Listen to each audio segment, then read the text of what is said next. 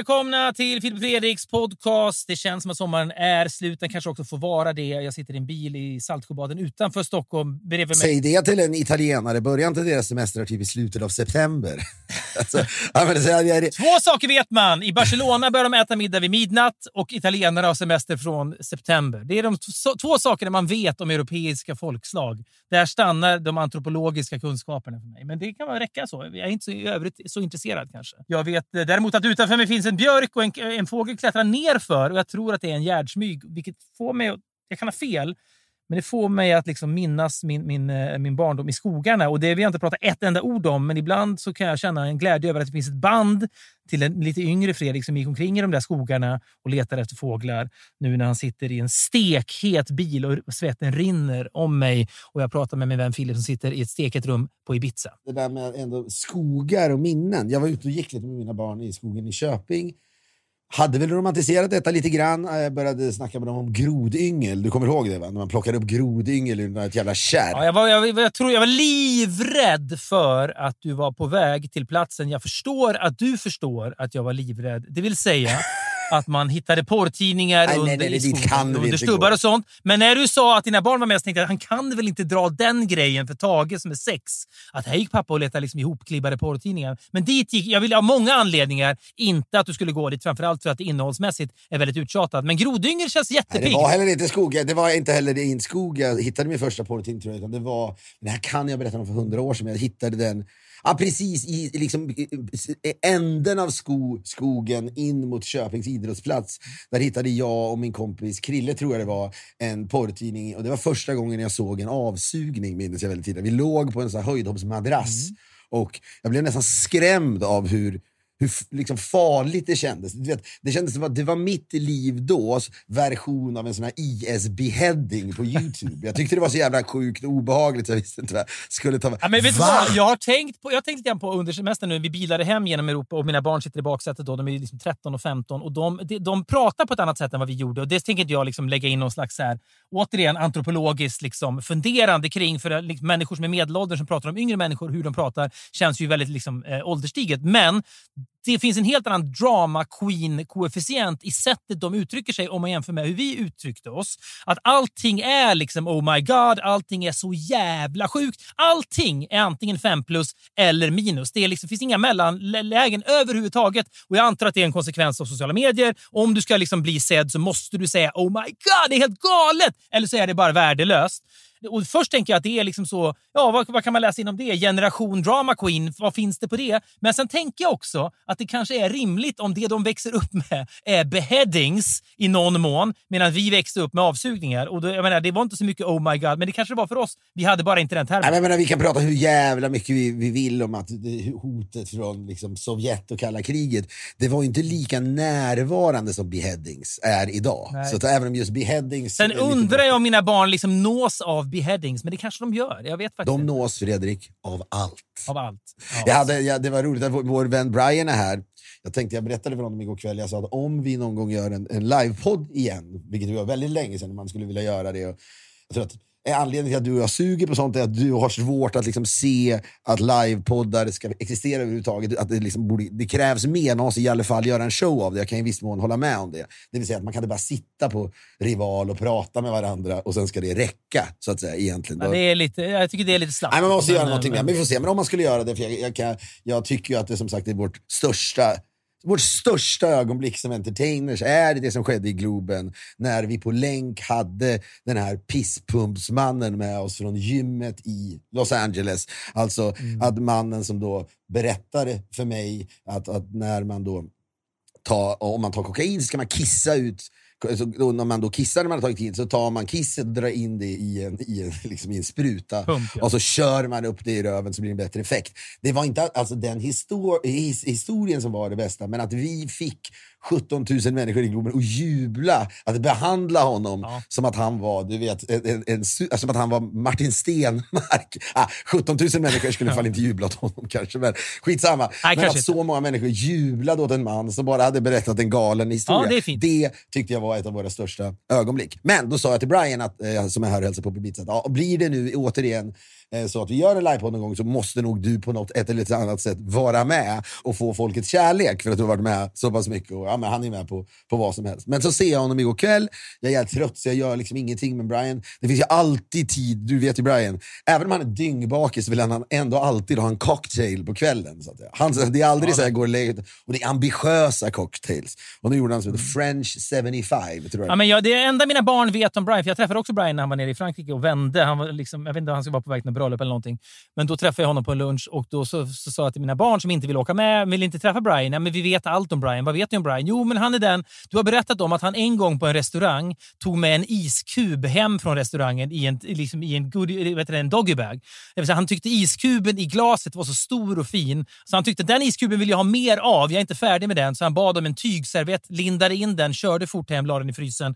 Och Det gjorde ett stort intryck på dem. Och det gjorde det även på mig, minns jag. Det var därför jag berättade för dem. Men det är inte många människor som tar med sig iskubar hem från restauranger. Ja, men, och sen igår då, så var det på så sätt att, att Brian gjorde drinkar till folk och så ville Tage, då, min son, vara med honom hela tiden. De är liksom, det är vackert att se dem. Jag tänkte att jag skulle vilja göra Brian till hans gudson så att säga, postumt. Folk gör väl sånt direkt utan att vetta. Det- Jag tycker det är en underbar, underbar freudiansk felsägning att Brian ska bli eh, Tages gudson. Jag antar att du menar tvärtom, men det hade Ah, också okej. varit kreativt Jag om du hade vänt på steken. Det är någon slags genderbending, fast med åldern istället.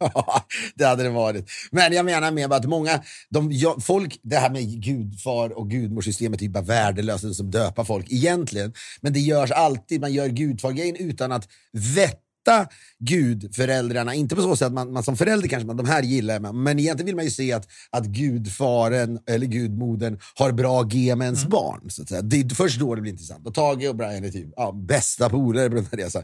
Och han pratar med honom som om han vore liksom en 45-årig människa som gillar French. Han pratar med Tage som att pa, ta, Tage vet vad en pisspump Ja. är. Ja, men det är ungefär. alltså, det, är på den, det, det är på den nivån. Ja. Men så tänkte jag igår, fan, det vore kul att överraska nu med en ceremoni. Bara säger här nere vid vattnet, säger, du ska nu bli gudfar till, till Tage. Och så har man drinkar, och så vet han ingenting om det här. Och ger honom möjligheten att tacka nej till eh, uppdraget också, så att säga. Det kommer inte ske, detta.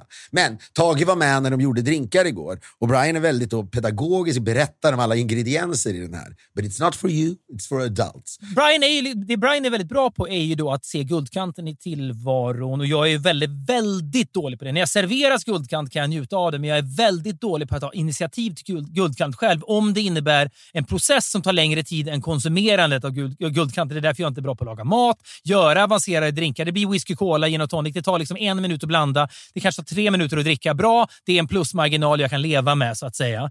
Jag läste en, en, en bok om Nick Cage, Nicolas Cage i somras. Han gillar också guldkant och han krävde under inspelningen av en film, om det var Vampire Kiss eller vad den hette, att varje gång han hade en, en kärleksscen med motskådespelerskan så skulle de utanför bild hälla varm yoghurt på hans tår för att han skulle få en extra njutning under sex, eller, du vet, kärleksscenen och därför kunna utstråla den kåtma och glädje han ville utstråla. Så det, det fanns alltså en människa under inspelningen då som hade som uppgift att värma upp yoghurten och sen en annan person som hade som uppgift då att, att långsamt, långsamt hälla varm yoghurt över hans tår och sen så skulle filmen också spelas in. då. Det är en annan typ av kanske liksom lite dryg guldkant, men det är ändå guldkant. Ja, men så, så är det. Och med Tage då, så till slut får Tage ett lemon twist. Det är att man, det är att man, man skär av skalet lite grann på en, eh, på en, på en citron. Och så vidare, va? Men då kom Tage ut med den här sen eh, och drack. Och det är må många alkoholläkare och andra typer av människor som, som, som slåss för att barn så att säga, inte ska bli medvetna om alkoholens nästan exist existens i allt för tidig ålder. Det är omöjligt, för vi alla sitter ju och dricker kring barn.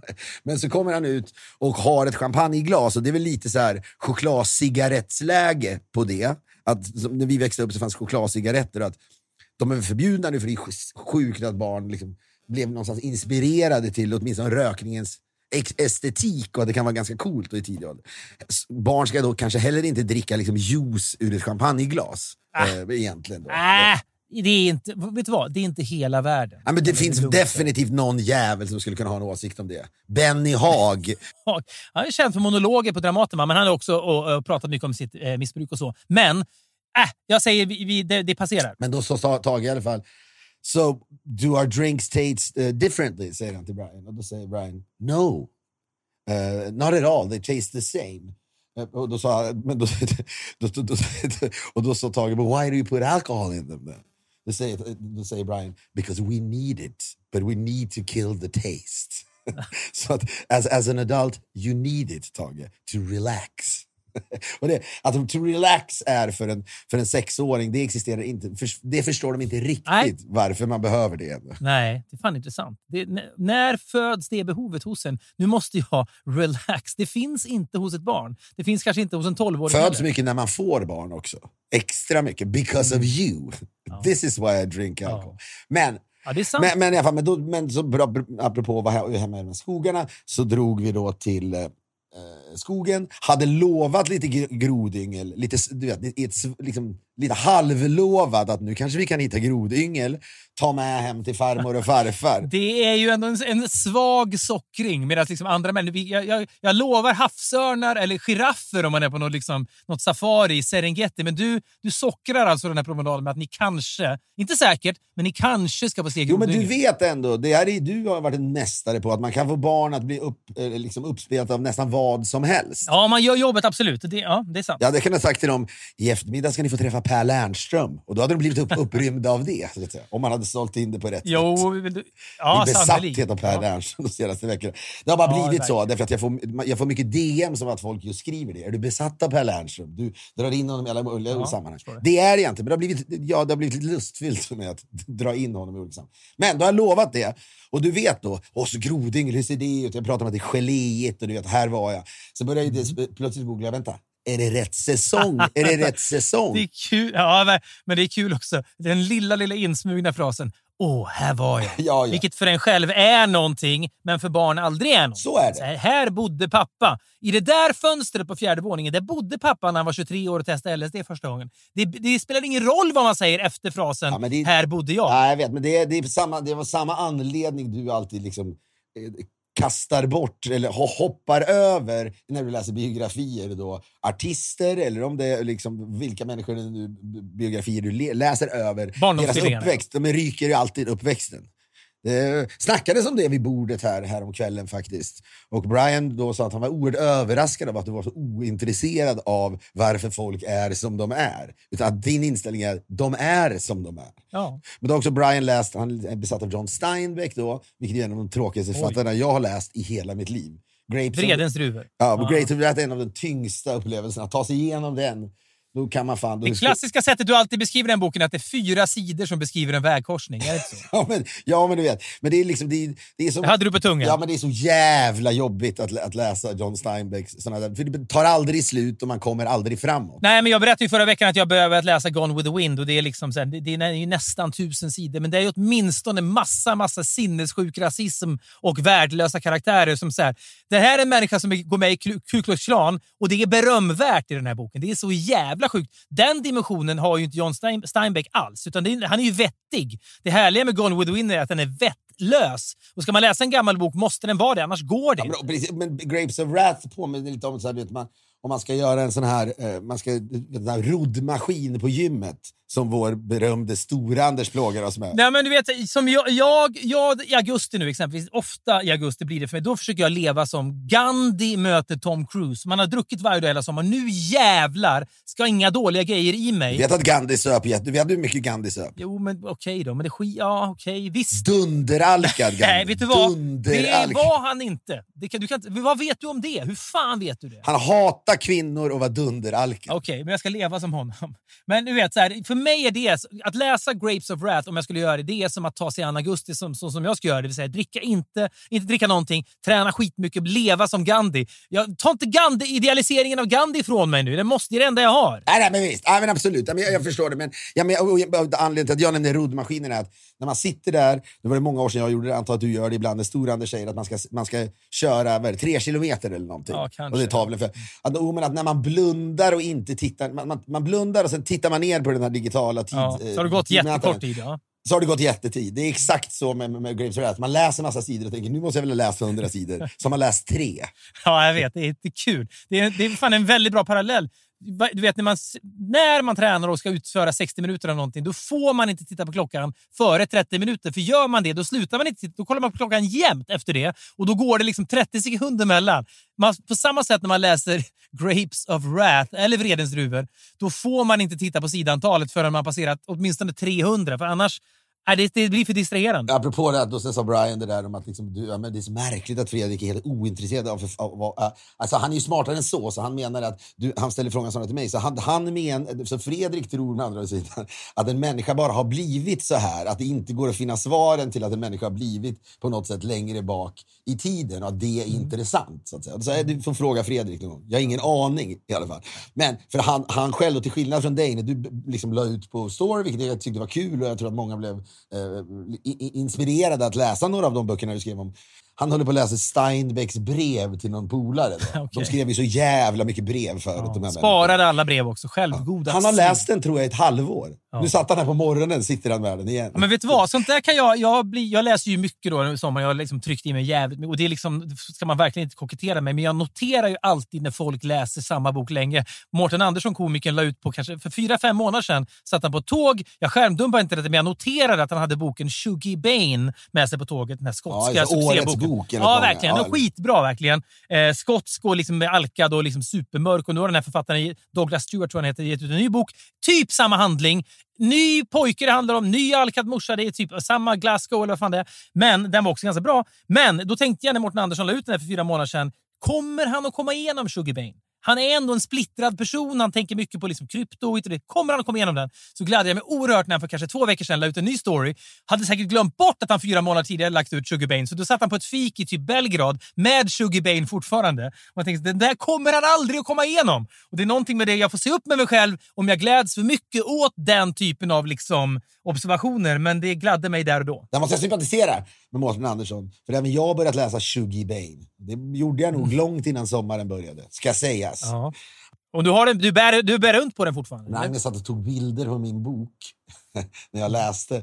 Och då skrev hon dag sju på semestern att jag hunnit nio sidor i en, i en, spi, en, en, en ny spionbok av den här Ben McIntyre eller vad fan han heter. Jag tror du har läst Ah. Okej, så du har pausat Sugar Bane med ord? Ja, ja, den har jag lagt åt sidan. Den ska jag ta hand med lite jag lägger, Det, den där, det, det är också någonting när man lägger, när man lägger Sugar Bane åt sidan för att ta sig an en spionthriller. Det är något jättemörkt i den lilla situationen. Ja, men, för Det finns en krock där mellan självbild och vem man egentligen är. Men jag är en person som tar upp Sugar Bane igen. Jag, precis som Mårten kanske på tåget då för fyra månader sedan. Ah, jag, är inte, jag pausar den nu, jag kommer tillbaka till den sen. Hur många gånger gör man det? Det är sällan. Vi är denna vecka sponsrade av Lendo, Sveriges största jämförelsetjänst för privat och företagslån.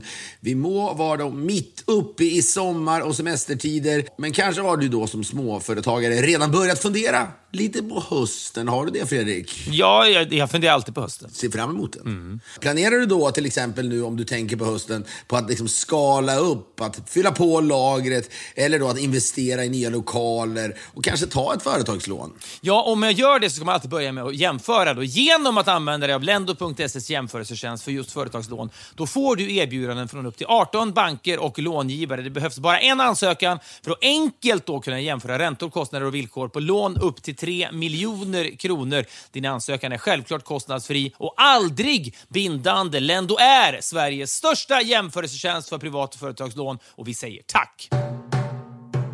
Tillbaka till de här grodynglena då. Ja, Eh, gärna. Jag, var ganska, jag, jag tyckte sånt var kul när jag var, när jag var liten. Det var väl mitt fågelskåderi då, som du sysslade med. Men får jag bara så jag har grepp om grodyngel? För grodyngel gjorde ingenting med mig. För de var väl, det var också en uppväxtskildring kanske. Att följa grodyngel är som att läsa en ja, uppväxtskildring i osant! boken. Väldigt oh, Ja. be, be, begåvat av. Nej, men det var, Sådär! Ja, men, ja, men visst, jag tar det. Jag tar det. Men vad var grejen med ja, grodyngel? men så tog man hem dem och så la man dem... Hoppades att de skulle bli grodor, eller? Ja, men det blev de ju. Man, ja, man la dem i någon hink och sen till slut lyckades jag, jag lyckades alltid övertyga pappa om att jag kunde hälla ner dem i badkaret. Mm, okej. Men när mamma såg det så tyckte inte hon att det var lika okej, så att säga, för där skulle man ju bada. Men du, du ville göra det till så, så, så, en laxodling fast med grodor så att säga. Badkar. Ja, jo absolut. Men det var, mer, det var kul att se. Men så blev de, så fick de lite svans, kommer jag ihåg att det var. Eller om det var benen då kanske. Men, men sen fick man då ta tillbaka dem och kasta ner dem igen. De blev, blev aldrig grodor. Men jag gissar att det, det fanns någon- ett visst svinn där. Att vissa kanske inte överlevde den liksom, färden. Du vill göra mig till en djurmördare.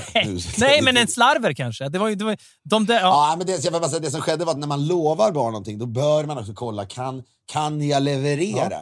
För då började jag desperat googla, när finns det grodyngel? Du vet, det, här var ju, det här var ju liksom då i juli månad. Mm. Och då insåg jag, åtminstone enligt Google, att det, det är liksom fram till maj man kan hitta grodyngel. Då satt du och tänkte du för det. Kan klimatförändringarna på något sätt ha rubbat grodynglens livscykel till min fördel? Ja, eller kan jag skylla på klimatförändringarna? Ah. liksom, flä- förändringarna? Snarare säga, här ser ni barn, det finns inga grodyngel längre. Precis! Nu på- har, ni, nu har pappa lärt er en viktig läxa om klimatengagemang via grodyngel. De pratar, det känns väldigt amerikanskt, liberalt, att bo i en så här, du vet, fin del av USA eh, och i LA. Folk kör, kör liksom billiga gamla Volvo-bilar, tycker att det känns bra eftersom det är free healthcare i Sverige. Det är en bra symbol för vad man står för i livet. Tänker inte på hur mycket skit även en Volvobil eh, liksom sprutar ut eh, massa jävla avgaser som är. Men det är väldigt, också väldigt väntat att de pratar liksom så jävla mycket om klimatförändringar i skolan. Man undrar om de kan ni lära er om något annat också? Måste, du vet, så här, det, det, det, känns, det känns det viktigaste. Ulf Brumberg på föräldramötet. Jag får Ja. bara säga, kan ni lära ut någonting annat än klimat? Det är viktigare att lära er grejer om klimatförändringar än matte. Mm. Så är det på de ställena. Det, är- det, det de inte fattar är att det är de som är bra på matte som sen kommer, som kommer, som kommer rädda oss. Det är de som kommer kunna någonting om, om klimatförändringar i längden. Never mind, det var bara det jag skulle säga när vi startade den här podden. Jag hoppas nu att nu åker du förbi en, en... Jag tror att det kallas en slamsugbil precis utanför. Om inte den brölar för mycket här. Det är ju, de drar alltså upp skit, det är det väl då helt enkelt, ur en brunn här. Som, som, eh, ja, ja. Men det, du hör ingenting av det, så är det säkert ingen fara. Däremot kommer jag att tänka på nu när, när den roliga Jonas Inde-sketchen, när han är just en slamsugargubbe och drar upp då skit ur någon jävla, utanför någon jävla villa. Och så berättar han stolt, det, det tycker jag är härligt med repliker i filmer eller sketcher när en karaktär inte är medveten om vad karaktären egentligen säger. Det finns ett glapp där. Hans självbild är jag säger någonting som betyder en sak, men som mottagare förstår man det betyder någonting annat egentligen. Jag var ju ute då på, på, på ett jobb då förra veckan. Tömde en trekammarbrunn och så. Så kom grabben i huset fram till mig och så sa han Du! Hur känns det att vara en skitgubbe? Ja du, sa jag. Det är din skit.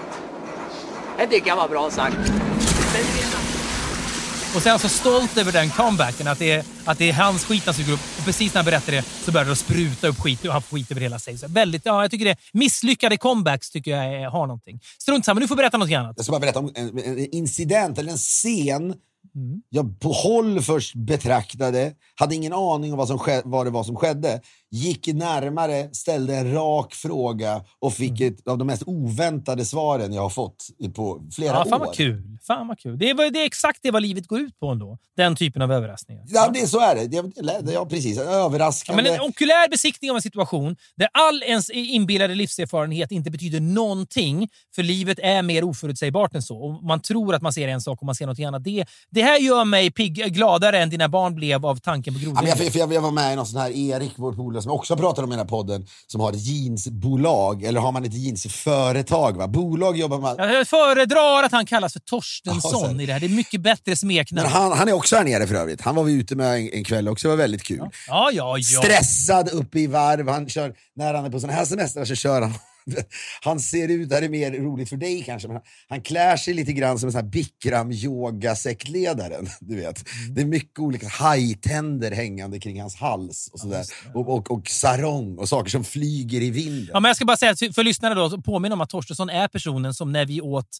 en middag ihop och han, eh, i, i London och han tryckte i sig två dry martinis på kanske en minut och du gick på toaletten då frågade han mig, tror du att Filip går och hänger sig nu? Den typen av eh, sinne har han. Den typen av drastisk sinne. Och det gör honom väldigt rolig. Men det är ja, men du, jag, alltså, så här, du skulle kunna sagt samma sak om Erik Nej. när han gick på toa till mig. Ja, fast ja, han, han hoppade snabbare till den typen av ytterlighet, vilket jag verkligen är uppskattar. det jag menar, att han kan, kan ju emellanåt framstå som precis lika suicidal som jag, tror jag ändå. Det, det, det kan Ja, verkligen. Och det bidrar också till hans lyster. Ja, ja. Lyster har han sån djävulsk lyster. Till, till och med mina barn frågar när, när, när han kommer, vad gör han? För att han, ja, ja du vet. Ja, men han, han, han skulle ta bilder av massa vänner för det här jeansmärket han har och sen har han en bok som, som då går kanske trycks i 100 ex. Men där, du vet, så här, ja, och då fick jag, apropå, då var det massa, det var en sån här, länge sedan jag fick en sån här, du vet, man ska fylla i en, eh, en enkät egentligen med favorite food, favorite allt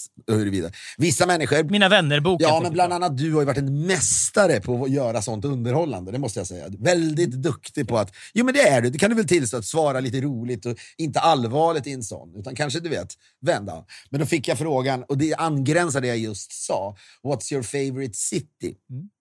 Och då svarade jag bara, eh, Extern, eh, så att det blir rätt också, Extern City. Eh, heter det det?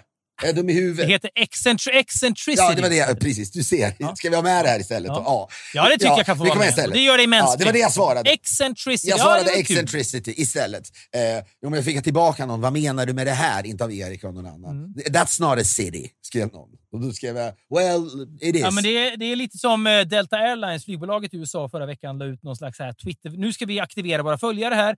Name a city that changed your life. Då vill de väl ha liksom så New York eller New Orleans eller någonting. Det första svaret de fick in, en av de första svaren var ju att någon skrev bara Wuhan. Och det, sen skrev ju alla det efteråt. Ja, men det är någonting med det som ändå är piggt. Den människan som skriver det, ge honom ett jobb. Om man inte redan har det. Det kan han ha. Jag har ett jobb, annars hade du sagt det om killen som skrev det svaret jag skrev också. Ja, men eccentricity tycker jag var också väldigt oväntat att du fick ur dig. Att, det- att det, den typen av ordvrängeri brukar inte du besitta riktigt. Hoppsan, tack.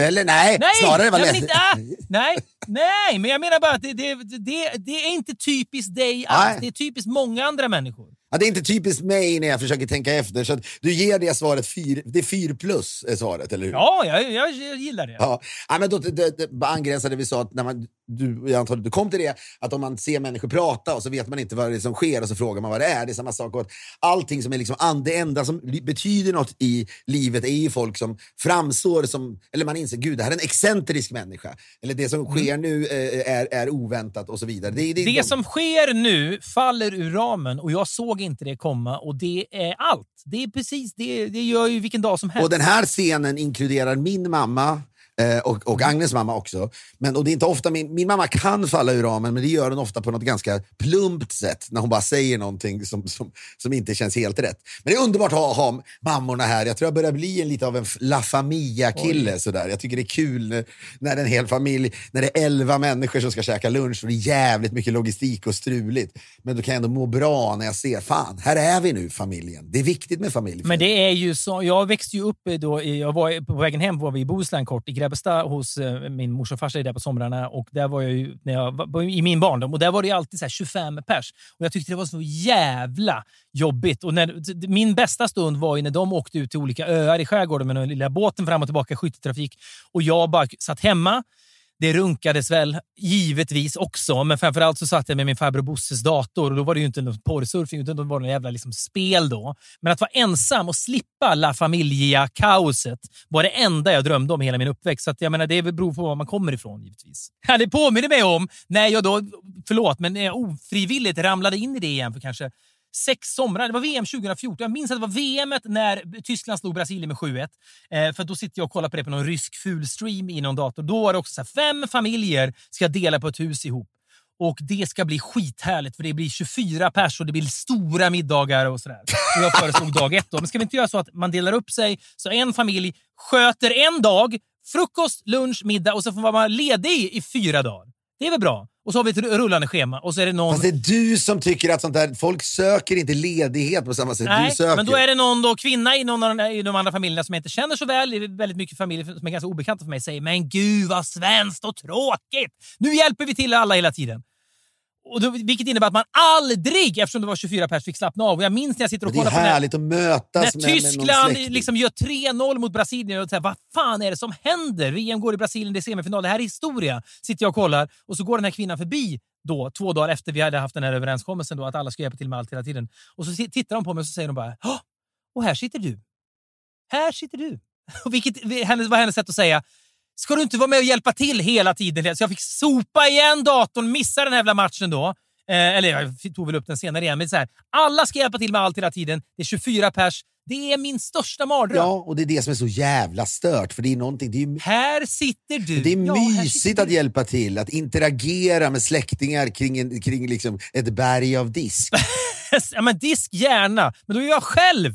Då kan man ha, liksom, lyssna på någonting, stänga dörren om sig och vara ensam. Och stäng, jag vill inte ha sju pers runt omkring mig i köket. Det är hemskt. Måste, man måste vara olika. Ja, men då här var vi då på någon restaurang och det var eh, det är roligt, det är många människor som har förekommit i podden som, som, eh, eh, eh som, som var med. Även Gunne eh, är med, och Per Gunne med, med sin eh, tjej Mika och, och barnen. Gunne blev breakare breakade bland annat i podden när vi pratade om när han dök upp och började jobba på café med dig för eh, 20 år sedan, första dagen. Ja. Du, du är supertöntig människa, precis som egentligen... Nej, men det, som- det, var, det som var grejen, och det har jag nämnt tidigare, men han började samtidigt som vår eh, kompis Martin Genberg. De började samma dag. Och då, Det som hände Martin Genberg var att en av våra kollegor som skämt skickade ut till alla på förlaget. Eh, nu har Martin börjat på Tidning Café, han är formgivare och har stomipåse. Kom gärna förbi och säg hej. Och Sen kunde inte han riktigt mejla ut till alla och förneka det, så att det fanns då en bild av att han hade stomipåse, vilket bara var en sån udda skämt. Typiskt 1998 kanske, vad vet jag. Men det som hände Gunne samma dag var att det, blev, eh, det kom in en, en någon slags eh, inte vet jag, rånare i receptionen, snodde en handväska av den unga receptionisten. Gunne ser detta, springer efter rånaren ner i tunnelbanan, fotboll, amerikansk fotboll tacklar honom, manövrerar ner honom på marken, får tillbaka väskan, håller honom till polisen kommer, kommer in till stående ovationer på tidningen. Så Martin blev en stomipåse, eh, som trodde folk, medan Gunne blev då dagens hjälte. Så, och det säger mycket om hans handlingskraft. Det, var lite, det finns ju den här, eh, det finns ju den här Orup-låten som är ganska bra. När de, och när hon går förbi står pojkarna på rad. Det var ju lite, och när han går förbi står kvinnorna på rad. Var det inte lite den känslan? Ja, men det inne? blev ju det blev så, så, lite snigelspår-effekt inne på förlaget. ja, men ingen människa som kan skriva de, är väldigt, så här, väldigt få människor som kan skriva är också kapabla att liksom jaga ifatt en, en Rånare, rånare. Det är inte så att John Steinbeck skulle klarat av att springa ifatt en rånare. Nej, det känns inte så. Det känns inte så. Nej. Ja, men, men då, så, eh, och så sitter, eh, går vi ett gäng ner och badar samtidigt vi äter lunch och så vidare. Så kommer jag upp från vattnet och då sitter eh, min, eh, min då svärmor Agneta och min mamma eh, över två glas vin. Det dricks en del. Jag tror att, Ja, det kan jag tänka mig. ja, men min mamma dricker mer än mig på den här resan, ska du veta. Mycket, mycket, mycket mer. och då säger hon hela tiden, jag har max tio år kvar, jag kan dricka hur mycket jag vill. Säger hon. Drastiskt, ja. Ja, men det är också sant. Fint också. Ja. Mm. De sitter och som håller på med telefonerna. Eller jag ser att Agneta håller i mammas telefon och försöker hjälpa henne med någonting. Och vanligtvis så tänker man, då är det alltid så här, du vet, hur drar jag ner ljuset på telefonen? Eller va- varför blev det så här nu? Du vet sådana Ja. frågor. Som, jag är oftast ganska dålig på, på att svara på dem eftersom jag är nästan likadan själv. Men det, det kan ju vara, du vet, jag kommer ihåg chocken när du insåg att jag, när jag skriver in nya kontakter i min telefon, skriver för och efternamn på sa, samma rad. Det vill säga på first Ja, name-raden. ja, exakt. Ja, det är lite, en liten, liten metonym, ett litet exempel på hur du... Ja, det säger mycket, det, det lilla. Ja, men då ser jag, då hör jag, så hör, hör jag bara hur Agneta säger, men då tycker du ändra här och sen radera. Okej. Så kommer jag fram så får jag, mamma vad gör du? Nej, men jag dödrensar mobilen. Jag tar bort alla kontakter, alltså människor som är döda. Jävlar! Är inte det bra? Ov, är inte det Ja. oväntat? Ja. Att dö, du vet, jävlar. Att döda... Ja, vet du vad? Jag har ju flera döda människor i min telefon. Det är också något jävla ålderstecken förstås. Nej, men det är ju hemskt. Jag såg det här om dagen. Det finns ju ing, det är noll Det är bara, det är bara vi. Men jag kommer Micke Nyqvist som du och jag träffade, Ja. denne fantastiske man träffade vi. Ja. Eh, där pratade vi säkert om innan vi skulle göra filmen Tårtgeneralen, vi ville ha med honom. Och det var, han var så jävla, vilken jävla trevlig man det var. Herregud. var Alltså, sån man säger det om folk ibland. Jävla trevlig, du vet. Det kan man säga om liksom, David Dencik tycker du är trevlig. Ja, det kanske han är. Per Lernström. Lär- Per Lernström. Ja, verkligen. Men vet du vad, det är han ju också. Dencik kan ju vara volatil, det kan ju inte ens Lernström. Lernström är Nej, ju... men, men Lernström är trevlig, men vi är ändå på en annan nivå när vi snackar Micke Nyqvist. Ja, men det var någonting som var helt, det var helt otroligt att träffa honom. Måste jag säga. Vi var uppe i hans lägenhet på David Bagares gata, eller någon, inte fan vet jag, någonstans på Söder. Ja, men jag minns, och jag menar, det, ju- ja, det, vi ville ha med honom i filmen. Han, vi, han, vi visste väl inte riktigt att han var sjuk, eller så visste man att han hade varit Nej, och han mådde... Ja, men jag, minns, jag minns då att han, han fick något samtal plötsligt. Jag måste ta det här. Han gick iväg med sin telefon och så var han borta liksom en halvtimme i något rum. Och Det är väldigt sällan man pratar en halvtimme med någon. Då förstår vi det här samtalet, vi kan inte bara gå heller. Varför ska vi göra? Ska vi sitta här och vänta en halvtimme? Så kommer jag tillbaka och då, ja, du vet, då såg man på honom att, att han hade fått något besked som var, inte var kul. Och han sa, hörni vi får runda här killar, vi får höras. Och så, äh, Äh, så jävla sorgligt. Nej, men och det var bara, och sen efter det pratade vi. Och vi pratade med honom en hel del fram till då han gick bort. Men han ringde och ville bara surra och så här. Ja, men jag kommer ihåg både du och jag sa, har vi träffat en sån här människa tidigare? Han hade så här, karisma men värme, alltså det var allt. Karisma behöver inte vara bara värme. Men det fanns en intensitet i honom och hans liksom... Ja, men så här, det är någonting med många trevliga människor saknar ju intensitet. De blir ju trevliga för att de inte har så mycket annat kanske. Men det är väldigt sällsynt att skådisar som är intensiva också är trevliga. För de, kan också, vet, de flesta är bara hopplösa. Om jag ska generalisera. Men det var någonting med det som var så jävla ovanligt. Att han kunde vara så... Nej, ja. men det var, det var en, alltså han var, och det kanske känns skönt ibland när, det är ju sådär ibland när folk går bort och sen så självklart vill man prata om människorna man har känt dem, antingen bara privat eller om i, i publika sammanhang. Naturligtvis när Adam Alsing gick bort i covid så vet jag att vi pratade om honom för man ville liksom det är kanske ingen som bryr sig om vad vi säger, men man vill ibland åtminstone chip in och berätta för folk, fan vad han var en trevlig, trevlig underbar man, precis som med Adam då. Men, och, och med Micke Nyqvist var det där att, jag, helvete, men jag, då kommer jag ihåg, det här var inte så länge sedan, jag gick igenom, jag skulle hitta någonting i min telefonbok där också alla ligger som dubbletter, du måste förklara för mig, och ibland bara tripletter också. Ja, det, förstå, det överraskar mig inte att de gör det. Ja, men visst borde det då finnas ett system där jag, skriver, jag skulle vilja på min telefon skulle jag vilja att den tar bort alla tripletter automatiskt på något sätt. Men det gör Ja. den ju inte. Det gör den ju inte. Nej. Nej. Men då så, eh, eh, så, så bara såg jag häromdagen att Micke Nyqvist låg kvar. Mm. Och jag gjorde det, jag vet inte om det är mor, en morbid grej, men då klickade jag på det där du vet, så att det, vår gamla sms-konversation, eller MS-konversation, dyker upp. Det var, så, det var något sjukt i det. Jag bara kände, herregud, men död människa, här ligger det ju kvar. Eh, och så, eh, så är det naturligtvis för många, antar jag. Det är väl inte så naturligtvis, din, dina döttrar har ju inte så många döda ännu i sin telefon, så att säga. utan Det har ju med ålder att göra. Nej, det har de såklart inte. Men det, det är någonting när man ser en död människa i sin telefon. Vill man liksom inte... Det, och det, jag, menar, jag är ju en, en rationell person, tycker jag. Och försöker liksom tycka att vidskeplighet och sånt är bara fåneri och liksom så här, man måste vara större än så. Annars, annars är det organized religion liksom rakt av. Men att trycka bort, att radera en död människa i telefonen bär emot. Och det är nog det mest irrationella. Det finns ingen anledning att ha kvar Micke Nyqvists nummer i telefonen eller min farmors nummer i telefonen eller några andra döda människor. Men tar man bort dem så blir de döda på, på ännu mer döda. Och man vill, det får räcka med död. Ja, men det känns det inte omor jag tycker det känns omoraliskt det min mamma gör nästan. Att, att, att, att dödrensa. i De kan väl få vara kvar där, eller? Ja. Alltså så här, det är ju inte omoraliskt, det vet vi båda två. Nu är vi bara... Nej, jag vet, men det är intressant, exakt. men det är- men det är ja, intressant. Det är, ja, det är verkligen. Fy fan. Ja, men så hör jag henne bara, för då sitter där och så hör jag liksom konversationen efter hon har sagt det. Då sa hon, sa hon nej, vänta. nej, nej, det är den Lena, inte den Oj, nu håller vi på att ta bort, nu håller jag på att ta bort en annan Lena som inte är död. De så här, gick igenom och du vet, tog bort alla. Och detta skedde då i liksom i, i solsken på Ibiza på en strand, 35 grader varmt, att min mamma då graviterar mot den här sysselsättningen där och då. Var- Det var väldigt, väldigt konstigt bara. Ja, men frågar du henne varför då? Nej, men jag tror hon bara är en sån, någon säger hon skulle ringa och så säger hon, men hoppsan, hon är ju död och det får min mamma att agera. Men hon har ju, hon har också några sådär, slarv, slarvigt säger vi ofta, det är aspergianska drag, men jag tror ni är inte helt olika på ett sånt sätt. Jag säger inte att du skulle göra exakt det här, men du skulle, göra, kunna, du ku- skulle också kunna ägna dig åt någonting i en miljö där man inte tror att man ska ägna sig åt just Ja. det där. Förstår du? Plötsligt får du en ryck. Ja, men nu måste jag rensa mail när jag sitter där på Bora Bora och ligger i den här lagu, världens vackraste lagun. Ja, ja visst. Det, det, där det skulle, och det var, Straffa sig själv lite. Ja, men jag, jag blev också glad av, exakt det vi sa i början, när någonting sker. För, framförallt då i sommarsåset, Mm. när man frågar folk, vad, vad gör du? Ja, jag måste smörja in mig. Det är på den nivån ofta svaren blir. Eller, liksom, Konversationer, ja verkligen. eller så det är inte så många som säger, jag läser Grapes of Wrath. Nej, men det är, det är liksom, vi återkommer till det varje sommar, men det, det härligaste med att augusti kommer och man ger sig in, det finns massa kluvna känslor i det. Det, finns liksom, det är väl därför jag försöker straffa mig själv med liksom att leva som Gandhi, så som jag ser Gandhi, möter Tom Cruise på något sätt. Men hur ser du Gandhi? Ja, men Gandhi är som en asket då, åtminstone, som liksom inte tryckte i sig fyra IPA per kväll och liksom hade chips och klock klockan sex Men han varje dag.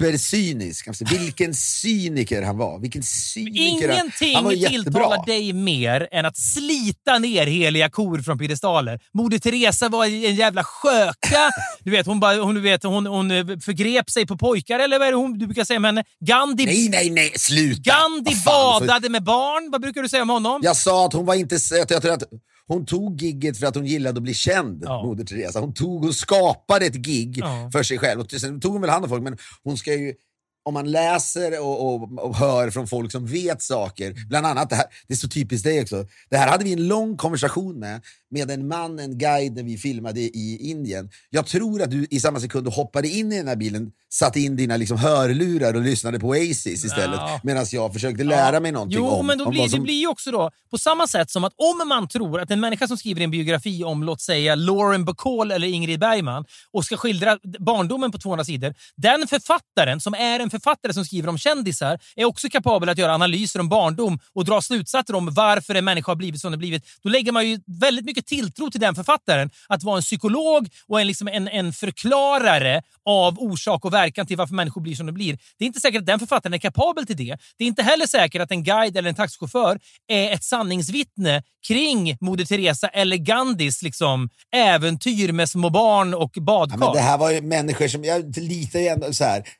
Jag menar, inte vet jag. Hade, hade jag suttit i en taxi där Per Lernström tog heder och ära av Moder Teresa, då hade jag kanske inte trott på det eftersom jag sagt du, le, du har levt väldigt långt ifrån Moder Teresa.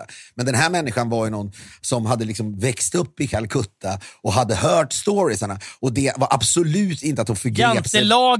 Jantelagen, är alive and well i Calcutta också. Jo, men vad du, fan kan inte bli stor, du kan inte bli profet i din egen hemstad. Fy fan, fy fan. Det, det, men det är någonting, du mår så bra när uppburna människor, när det blir sprickor i fasaden. Att du, vill, du, vill Ja, liksom bara, du vill bara pulverisera dem med en murbräcka så ingenting Ja, fast vet du vad?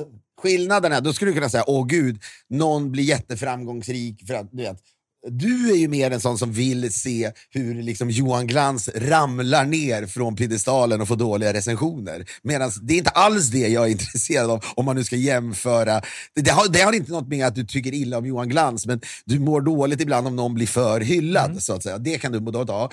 Det här handlar ju inte om, det är inte liksom Johan, det är inte den typen av människor vi ska falla från piedestalen, utan jag tycker det är intressant att läsa om människor som är helgonförklarade, mer eller mindre. Och sen får man höra, ah, de var inte, det är alltid, när man hör om Steve Jobs, som man tänker att folk slentrianmässigt bara hyllar honom, och sen vet man att, det kan du tillstå, Ja. han verkar ju inte ha varit så bra. Nej, nej, nej. Det verkar inte ha varit en så bra människa, helt enkelt. Men vad är det, vad Gandhi badade med barn? Eller? Ja, men jag är lugn. Jag skulle säga, det vill ändå direkt korrigera. Jag har aldrig sagt att Moder Teresa förgrep sig på barn. Okej. Däremot har hon väl varit väldigt hård, tror jag. Men å andra sidan, med tanke på hur många barn Moder Teresa rattade över, hela det här liksom imperiet hon hade skapat, så kanske det krävdes hård disciplin för att få hela, liksom, för att skapa ett, ett liksom väloljat just system. Ja, det kanske var motiverat. Men den här guiden i bilen sa det i alla fall till oss. Och jag lyssnade och sa att hon var hemsk mot barnen. De här barnen, alltså att det var så hårt. Men då, jag läste om Gandhi, jag till och med läst en biografi om honom, men att när han bytte stil, han var ju boisk på det sättet, fast han, gjorde, han bytte bara stil en gång. Han var kameleonsk. Ja, men han bytte ju stil. en- Du vet väl att han var, han jobbade som liksom advokat i kostym i Sydafrika först. Tjänade stora pengar. Jag vet inte vilka det, och jag, jag, jag vet inte om han... Ja, investerade i krypto. Ja, och jag vet inte ens, ja det tror jag han gjorde. Och jag vet, ja, men jag vet inte ens om han jobbade som advokat för liksom ANC, så att säga, om de ens Nej, fanns nej. då. Utan Ja, du menar, han kan lika gärna, han kan liksom lika gärna fått liksom drogbaroner friade? Jag tror cashen skulle in. Ja. Han skulle bygga ett bra konto. Ja. Och sen kommer han till, till, då, Indien. till Indien. Så ser han en möjlighet Mm. här. Och när han bör, han- de första åren, när jag tror att han jobbade... Tänk, nu, vet jag, nu, nu skjuter jag från höften här så det sjunger om Ja. det. Men de första åren, tror jag, när han då var. Och du ska också veta att han lämnade sin familj när han drog till Sydafrika. Det var inte så att han, det var inte så att han zoomade med sina barn. Nej, nej. Han drog ett par år och hörde aldrig mer av sig till dem. Nej.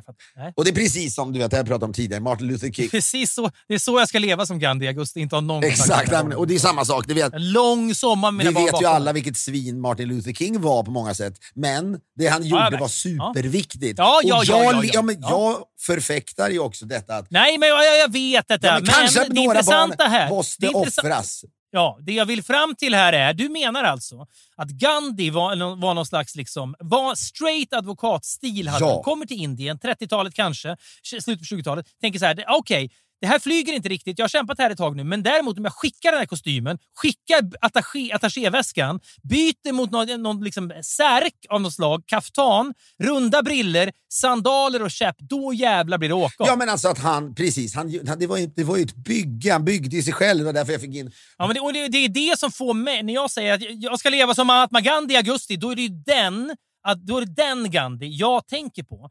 Coolare för mig är ju... Men jag, ska, jag ska inte vara den Gandhi. Jag ska vara Sydafrika-Gandhi, Nu är kostym det fel ordning, men så att säga, Gandhi, the South African years, det var ju liksom Ja, hans typ. thin white duke. Ja. Och sen blev han Ziggy Stardust då när han återvände till Indien, kan man säga. Jag förstår, men det är roligare egentligen då att ha som ledstjärna Gandhi pre-Gandhi, så som vi känner honom. Gandhi i Sydafrika. Det är den stilen man ska anamma. Strikt kostym, attachéväska, ja, äta lite vad som helst. spelar ingen roll. Är inte bara vitt. Man kan väl säga att första då, det var väl någonstans liksom, första tiden var Stockholmsveckan i, Bo, eller Stockholmsveckan i Gotland, Stockholmsveckan i Båstad, Ja. whatever. Det var Visby, the. South African years. Ja. Och sen åkte han tillbaka och blev någon annan. Ja, men herregud, vi vet ju... Medeltidsveckan. Ja, det blev han väl. Men det, ja, exakt. Ja. Det är Han exakt gick från att vara Stockholmsveckan i, i Visby till Medeltidsveckan i Visby. Ren... Ja, man får få in Ziggy Stardust där ändå, för det är roligare än medeltidsveckan. Ja, jag tror, ja, ja, absolut. Men du kan också, det är också uttjatat att dra upp Bowie gång på gång. Det är roligare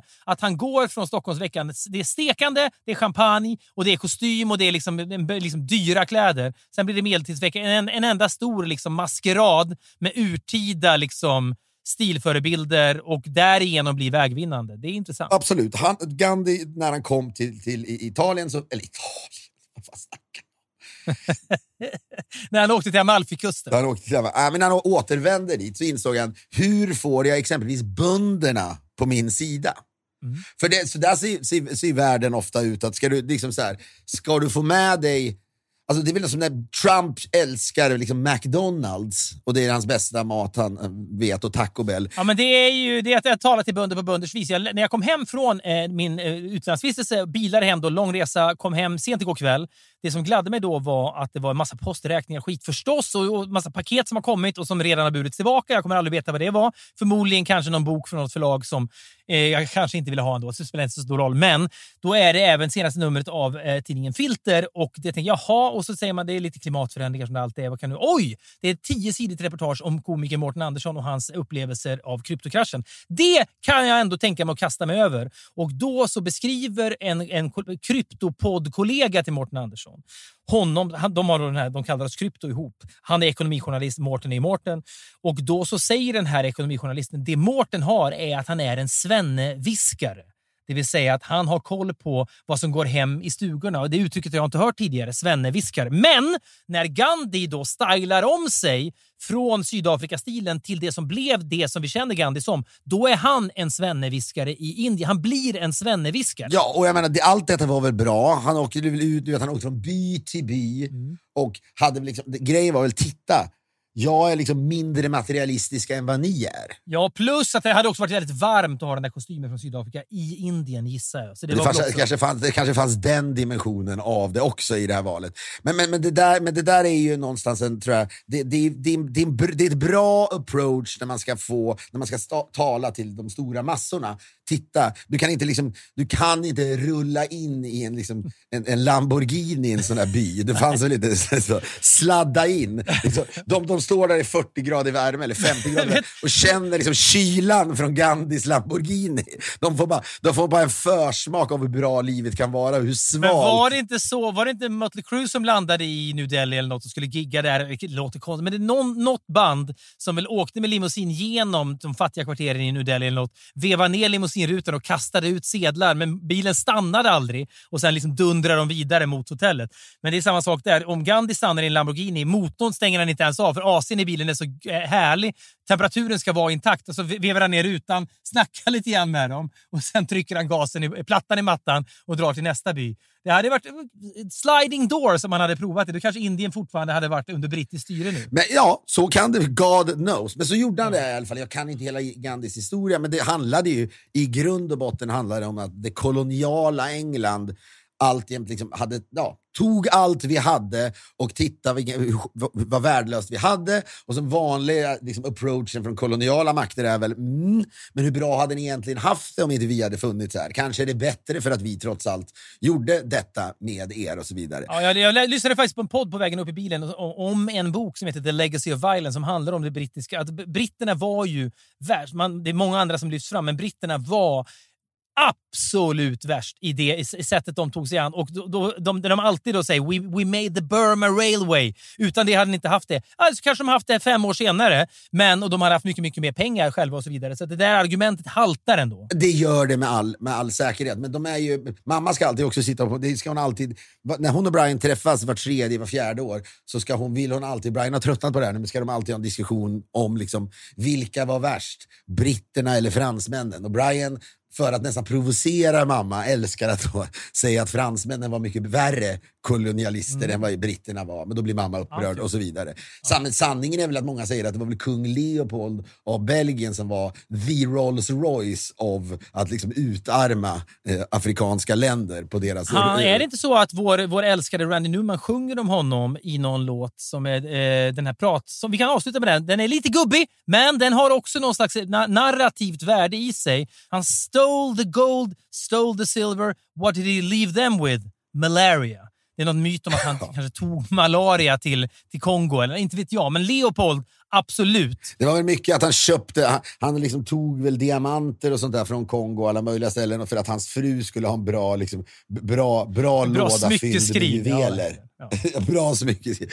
Men, och sen dog ju Gandhi, blev ihjälskjuten då, eh, eh, på, på ålderns hösten då. Mm. Och jag vet inte, blir han ihjälskjuten? Han blir väl ihjälskjuten efter att landet så att säga, the liberation of India. Var det 48, Fredrik? När var det? Kan det ha varit det? 1948 eller någonting i den stilen? 47, 48 samtidigt som Israel. Typ, jag blandar alltihop det där. Men vet du, jag skulle kunna googla det, men jag sitter alltså i bilen nu. Jag svett, det svettas så mycket om mig, jag kan inte ens googla saker. Men han blev skjuten då? Han dog då, han blev ihjälskjuten av några då, eh, fundamentalistiska eh, hinduer i Indien som tyckte att Gandhi hade varit för schysst mot den muslimska befolkningen. då. Så ja, det, var väl inte, det, var liksom, det var väl inte lätt att ena folket mot Nej. England? De tyckte att han hade flörtat för mycket med den muslimska befolkningen helt enkelt. Och det, det gillar de inte. Det är sånt ser de inte mellan fingrarna. Nej, men precis. Så att det, jag försökte hjälpa er alla här nu, men sen ska ni börja bråka och så vidare. Men fick han se, fick han se ett befriat Indien innan han sköts? Jag är nyfiken på. Nej, men han dog. Han blev mördad då. 48, ett år efter att Indien ja, hade Han fick ändå se det. Han fick se det och sen fanns det ett missnöje som han inte hade räknat med. Pang så dog Ja, men då, då, det var väl ändå, om man tittade på Nelson Mandela, fick ju, han fick ju vara med en stund. Han blev ju till och med då president och så vidare. Det man undrar är ändå om Gandhi hade en tredje liksom kameleonsk inkarnation i sig. Vi har någon som lyssnar som vet detta. Det är jag helt Nej, men, ja, men om, ja, men det, det, är inte säkert, men han hade Sydafrika stekarstilen så att säga. Han hade Stockholmsveckan. Han hade medeltidsveckan, det här, den här särken och de här liksom sandalerna. Hade det kunnat komma en tredje style? Vad finns det mer för veckor ens på Visby om vi utgår från det? Om vi, det bör hämtas därifrån för att liknelsen ska vara elegant. Ja, det är svårt. Det är svårt. Vilka veckor Stockholms finns? medeltids... Nej, det finns knappt med andra veckor. Men det är så Visfestivalen i Västervik. Veckan. Nej, men det funkar inte då. Men det, då tänker man så här, då hade det varit som det, när det är en vanlig vecka i Visby. Så hade han sett ut då. Foppatofflor och liksom lite, lite trekvartsbyxor. Efter han hade gått in i medeltidsveckan veckan så var det väl så att säga måndag hela veckan resten av livet. Ja, det, det finns ingen väg ur det modet riktigt. Nej, men jag, jag, vet att jag läste Det någonstans och jag har inte de, eh, liksom, de specifika faktan på bordet, men det var väl någonting, när han dog så var, gjorde en stor grej, PR-maskineriet bakom Gandhi gjorde väl en stor grej av att det han hade på sig och det som fanns i hans fickor i den här liksom särken, om det nu fanns fickor, det var allt han hade när han dog. Han hade ingenting mer. Det, det ju bra, det är bra paketerat. Ja, Då är kan man ställa sig frågan, och vad var Gandhis barn? Kände han dem fortfarande? Hade han någon som helst kontakt med sina Mm. Nej, barn visst. när han blev... Om det nu hela tiden ska vara definitionen på om man är bra eller dålig. Men jag vill bara säga det när du säger att jag vill ta heder och ära av folk. Det vill jag inte generellt sett, men det är intressant att åtminstone komplicera bilden håller med. av vår tids största hjältar. Jag håller med, men det finns, det finns en gli i din röst. Det finns en glädje och en, liksom en, det, det lyser om dig varje gång du får uppleva att de här heliga korna Och faller. du gillar det. Ja, det är jättehärligt. Det är vitaliserande. Precis som att du gillar de här stunderna vi har tillsammans. En vecka har passerat sedan ni lyssnade på oss förra gången och nu har ni just lyssnat på oss igen. Maila oss gärna till podcast.poddff.com. Kan ni saker om Gandhi? Kan ni saker om vad fan som helst? Vi tycker väldigt mycket om att höra ifrån er, det vet ni. Vi går ut med Randy Newman. Lyssna på vad han har att säga. Han har någonting att säga, vilket vi understundom försöker göra också. Vi älskar att ni är med oss. Vi hörs igen om en vecka. Hej då! I'd like to say a few words. Defense of our country. 'Cause people aren't bad, nor they mean.